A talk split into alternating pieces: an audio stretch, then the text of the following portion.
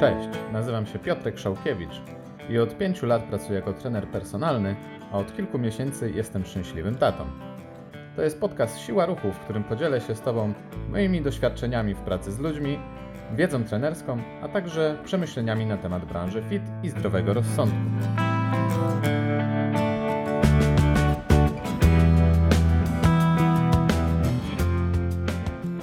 Cześć, witam Cię w ósmym odcinku mojego podcastu, w którym opowiem Ci, jak lepiej się wysypiać.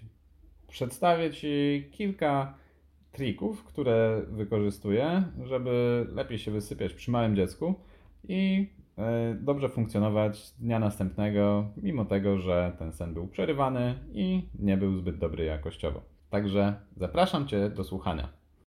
Jak wszyscy dobrze wiemy, najlepiej spać od 7 do 8 godzin, czasami do 9, niektóre badania pokazują.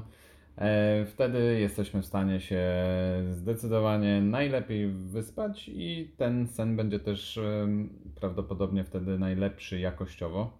E, jeśli to będzie mniej, no to wiadomo, często jesteśmy niewyspani, rozgoryczeni. Często, jeśli będzie to więcej, około 10, 11, 12 godzin, nawet czasami, jak słyszałem, niektóre osoby potrafią spać, no to po prostu organizm już zdecydowanie się rozleniwia, często ciężko się wybudzić i po takiej 12, po takim 12-godzinnym śnie, no później jeszcze potrzebujemy kilka godzin na rozbudzenie się, więc to też nie jest najlepsze rozwiązanie. Oczywiście czasami trzeba sobie w cudzysłowie odbić na przykład cały tydzień ciężkiej pracy, e, w momencie kiedy trzeba było spać, nie wiem, 4-5 godzin, e, na przykład wtedy w weekend. Czasami to się sprawdza, no każdy wiadomo jest inny i inaczej, inaczej to odczuwa ale ten odcinek podcastu będzie skupiał się na tym, jak sobie radzić w momencie, kiedy już niestety zdarzy nam się cięższa noc, e, bądź wiemy, że ona będzie ciężka, na przykład tak jak w moim wypadku mamy małe dziecko i wiem, że każda noc może być po prostu ciężka. E, no będzie trzeba się przebudzić kilka razy i mm, no wiadomo, tam małą się zająć. No, w każdym razie, no czasami się zdarza tak, że E, wiemy, że mamy na przykład nasz partner chrapie mocno i ciężko dobrze się wyspać. E, czy na przykład mamy sąsiadów, którzy lubią w weekendy sobie poimprezować chociażby, czy jakieś inne harce robić. Więc dobrze jest wtedy po prostu zastosować sobie kilka rzeczy, żeby możliwie jak najbardziej mm, skupić się na tym śnie i żeby był możliwie on jak najlepszy.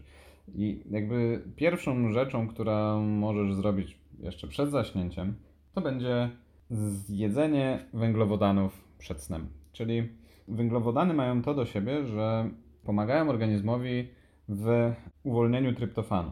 Tryptofan znowuż przechodzi, a właściwie potrzebny jest do wytworzenia serotoniny, która ma za zadanie no, uspokojenie, wyciszenie organizmu i dzięki po prostu niej, jak i później melatoninie, w którą e, ona się przeistacza, która reguluje cykl dobowy, czyli powiedzmy daje znak naszemu organizmowi, że teraz jest już noc i wypadałoby spać. Dzięki tym e, hormonom po prostu lepiej nam się zasypia, ten sen jest głębszy. E, no i łatwiej po prostu też wyłączyć się powiedzmy z jakichś zewnętrznych bodźców dzięki temu. Więc nie zaprzątaj sobie głowy tym, że o, węglowodanów nie można na noc, tylko i wyłącznie, nie wiem, tam białko albo ewentualnie tłuszcze, bo to, bo tamto. Szczególnie bardzo częste i nadal popularne jest stwierdzenie, że węglowodany tuczą, więc nie można ich jeść na noc. No tak nie jest. Tuczy dodatni bilans kaloryczny, jeśli nie wydatkujesz tyle energii, ile spożywasz. To tak w bardzo telegraficznym skrócie. Więc jeśli masz wyliczone kalorie, to skomponuj sobie e, po prostu jadłospis w taki sposób, żeby mieć ten posiłek węglowodanowy, e, bądź nawet po prostu zbilansowany, ale gdzie będą węglowodany e, na noc. Dzięki temu mm, po prostu będzie Ci łatwiej, mocniej zasnąć. Dobrze, jeśli zwrócisz sobie uwagę na to, żeby miał on ewentualnie mniej białka, ten ostatni posiłek, E, ponieważ e, no, te białka, właściwie aminokwasy, które są e, zbudowane, znaczy z których białka są zbudowane, będą konkurowały z tryptofanem o to, żeby dostać się do mózgu i przez to mm, no, niedostateczna ilość tryptofanu może zostać jakby wykorzystana do później produkcji serotoniny, no przez co no, może być po prostu trudniej, jakby nie skorzystasz z tego benefitu, jaki idzie za, za, za po prostu posiłkiem węglowodanowym na noc. Kolejną rzeczą, którą też możesz sobie zrobić przed snem, to jest spożycie ashwagandy. Jest to suplement roślinny, który sprawia, że zdecydowanie łatwiej jest zapaść w taki głęboki i spokojny sen. Dlatego ja na przykład stosuję ją przed e, snem. E, można ją też e, stosować w ciągu dnia, ponieważ nie powoduje senności i takiego otumanienia, więc no po prostu jeśli zapadniesz sen, no to ok, on będzie bardziej głęboki. No ale jeśli nie, no to, to nic się nie stanie, ponieważ on te, ashwagandha poprawia też funkcje kognitywne, dzięki czemu łatwiej będzie Ci się skupić między innymi, jeśli wykorzystasz ją w ciągu dnia chociażby. No ale tak jak mówię, ja ją wykorzystuję przed snem, dzięki czemu ten sen jest no, dosyć głęboki i naprawdę często powiedzmy po jakichś tam 5-6 godzinach snu, które były jeszcze dodatkowo przerywane, e, no, czuję się dosyć rzeźko i powiedzmy jest ok. no dodatkowo mm, zwiększa ona poziom testosteronu, a to ze względu na to, że jest też dosyć mocnym reduktorem stresu, czyli można to jakby ująć w ten sposób, że jest, e, niweluje kortyzol. A jak jest w naszym organizmie mniej kortyzolu, czyli hormonu stresu, to jest w cudzysłowie więcej miejsca dla testosteronu, co na pewno będzie dla panów bardzo korzystne. Jednak warto zapoznać się z ewentualnymi przeciwwskazaniami co do stosowania ashwagandy, ponieważ niektóre leki, na przykład e, przeciwpadaczkowe, mogą źle współdziałać razem ze szwaganą. Także jeśli jesteś na coś chory, dobrze, żebyś sobie to, to po prostu poczytał, na co, na co zwrócić uwagę podczas stosowania szwagandy. Ok, mm, to są jakby takie dwa zabiegi, które no ja stosuję przed snem. Nie chcę się szprycować jakoś wiele, wieloma suplementami, mm, czy, czy jakimiś ziółkami, czy E, lekami nasennymi, no to chyba też nie o to chodzi, bo jeśli wszystko jest w ciągu dnia fajnie poukładane, a o tym zaraz później, no to to będzie tylko można powiedzieć taki dodatek, takie wypełnienie całego, no powiedzmy tego jak ten, ten dzień wygląda, a przez to też sen. Ale co można w takim razie zrobić w momencie, kiedy już wiesz, że no było ciężko w nocy i naprawdę nie spałeś 5 godzin, tylko 3 bądź 4, no i naprawdę potrzebujesz kopnięcia w ciągu dnia. No i tutaj oczywiście jest kwestia tego, jakie masz znowuż możliwości, ale zawsze można sobie jakoś poradzić. Więc kolejny numerek, który tym razem możesz wykorzystać w trakcie dnia, to jest turbo drzemka. Inaczej power nap z angielskiego na przykład. Polega to na tym, że po prostu idziesz spać na około 15-20 minut. Mi na przykład sprawdza się idealnie 20 minut aczkolwiek czasami jakby czuję się lekko wybudzony przed tymi 20 minutami, no ale to jeszcze można sobie chwilę poleżeć. E, jakby sens tego jest taki, żebyś po prostu nie zapadł w głęboki sen, ale żeby twój mózg odpoczął. Nie myślisz wtedy o niczym, nie skupiasz się też na tym, żeby za wszelką cenę zasnąć. Chodzi o to, żebyś leżał, w cudzysłowie pomedytował, myśli, e, żeby płynęły sobie spokojnie e, nie skupiał, żebyś nie skupiał się na niczym. Więc kompletny relaks. Twój umysł e, zdecydowanie sobie wtedy wypocznie i te 20 minut naprawdę jest lepsze niż jak miałbyś e, iść na drzemkę godzinną. Będziesz czuł się bardziej wypoczęty po 20 minutach niż kiedy zrobisz sobie godzinną na przykład drzemkę i będziesz zaspany. Jednak dobrze zwrócić sobie na kilka elementów w tym wypadku uwagę. A mianowicie to, żeby najlepiej ta turbodrzemka była mniej więcej do południa, no powiedzmy do godziny 13-14, ponieważ później będzie raz, że już zdecydowanie trudniej mm, tobie nie zasnąć głębiej, a co za tym idzie, mm, będziesz miał większą łatwość do, do tych godzin, żeby wstać. E, no po prostu 20 minut wstajesz i, i idziesz robić swoje dalej. E, więc najlepiej wykorzystać to powiedzmy, że do tej godziny 13-14 mniej więcej. Później będziesz musiał bardzo mocno uważać. Mm, kolejna sprawa, e, jaką dobrze, żebyś sobie zwrócił uwagę, to to, do czego jesteś przyzwyczajony. Czyli na przykład jeśli rano wstajesz i zawsze musisz kliknąć drzemkę, na przykład masz na szóstą nastawioną, nastawiony budzik, szósta godzina dzwoni, to ty klikasz na telefonie drzemka, 5 minut jeszcze dośpisz, 6.05 dzwoni budzik, kolejna drzemka, 6.10 kolejna drzemka i tak do 6.30, to dobrze, żebyś zaczął sobie od ustawienia turbo drzemki na 15 minut na przykład. No wybije 15 minut, ty sobie włączysz drzemkę na kolejne 5 minut, no już będziesz troszkę bardziej rozbudzony w ciągu tych 5 minut, no już na pewno nie zaśniesz głęboko, więc jakby niwelujesz ryzyko przegięcia, więc w momencie, kiedy nastąpi ta, ta kolejna pobudka, no wtedy już po prostu musisz wstać. No dobrze, ale no, nie wszyscy są w stanie sobie pozwolić na położenie się, no, czy ewentualnie na fotelu, ok, też można to zrobić, ale lepiej, żeby to było położenie się i to do godziny jakiejś 12, 13. No jednak większość osób wtedy jest w pracy. No i teraz zdradzę taki jeden mały, można powiedzieć, sekret w moim wykonaniu. Co prawda, no nie stosuję wtedy tego około godziny 12-13, tylko raczej zdarza się to około powiedzmy 17-18 pomiędzy treningami. A mianowicie coś takiego jak mikrodrzemka. No i powinno trwać to od powiedzmy 2 do 5 minut. Oczywiście nie łudź się, że zaśniesz wtedy. Bardziej jest to pewnego rodzaju forma medytacji, wyciszenia organizmu i takiego właśnie wypoczęcia powiedzmy. Więc tak, ja po prostu w momencie, kiedy jestem pomiędzy treningami, dzień był już dla mnie powiedzmy długi, ale jeszcze kilka treningów mnie czeka.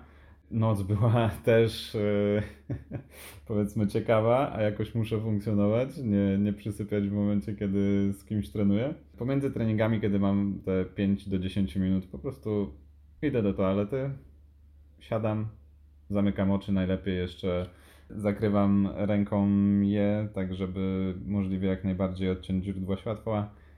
No i w ten sposób sobie w cudzysłowie przysypiam. Eee, ja wiem, że to może wydać się dziwne, jak śpi na...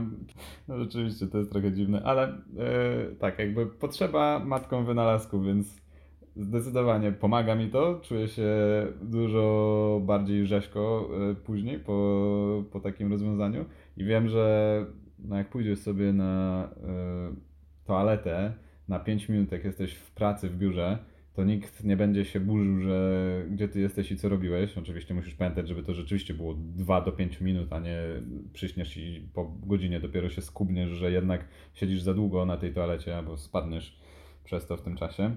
Więc y, no nie ma być to zasypianie, to ma być takie powiedzmy pewnego rodzaju kontrolowana drzemka, przymknięcie oczu, pewnego rodzaju medytacja i naprawdę w moim wypadku na przykład sprawdza się to świetnie.